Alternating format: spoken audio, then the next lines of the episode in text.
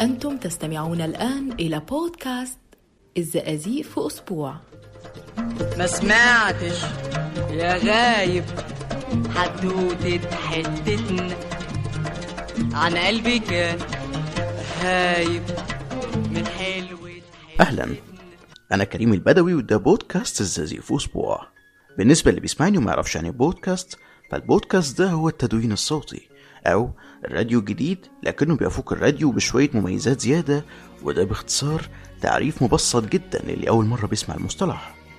في البداية أنا عايز أوجه كل التحية والإجلال للأطباء اللي بيواجهوا الكورونا أو كوفيد 19 في الزقازيق أو في جميع محافظات المحروسة. بما إن دي أول حلقة للبودكاست في عصر الحجر الصحي فأنا قررت إنها تكون حلقة خفيفة عن الكورونا ورمضان. النهاردة أول يوم من أيام الشهر المبارك كل سنة وأنتم بكل الصحة والسلامة. قبل ما يهل علينا رمضان كنت دايما في الفترة اللي فاتت دي فترة الحظر بسأل نفسي وبسأل أهلي وبسأل صحابي إيه اللي بيحصل بره؟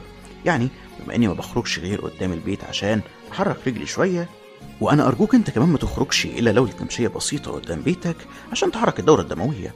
مع تجنب وأنا بحذر مع تجنب الاختلاط حفاظا على صحتك وصحة عيلتك.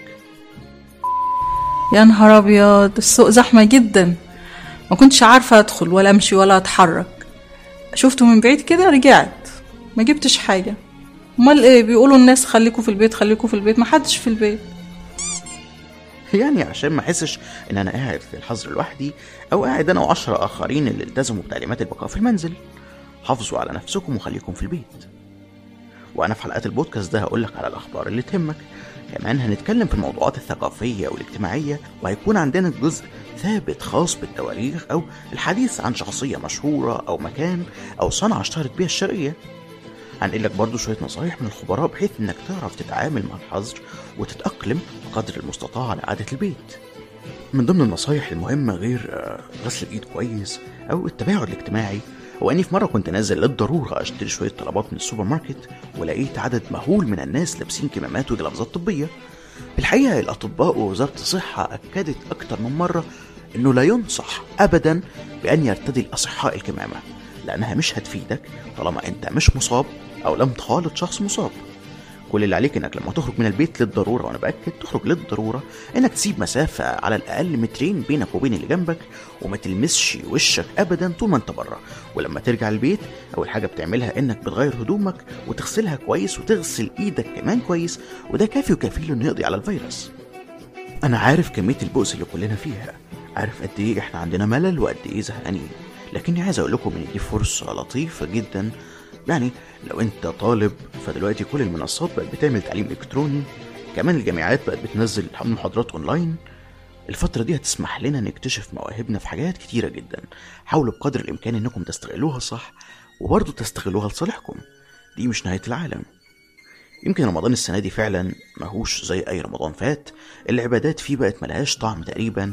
كمان السعادة بقت شبه معدومة سواء من اللمة اللي ما بقتش موجودة أو من فرحة التراويح والتمشية بالليل. كل ده للأسف الشديد اتحرمنا منه. لكن الأكيد إنه في أمل والأكيد برضو إنك قدها. حاول تسعد برمضانك بنفسك ساعد المحتاج اقعد مع أهلك اتصرف حتى اتصرف بحسن حتى لو الظروف مش مناسبة. أتمنى وأرجو من الله إن رمضان الجاي يكون سعيد وأفضل وأكثر تميزا بالخير عن رمضان الحالي. في اللحظات العصيبة دي دايما بيخطر على بالي بيت شعر من موشح أندلسي قديم بيقول إن غاب نجم عن ملاعبنا جاءت إلينا أنجم جدد.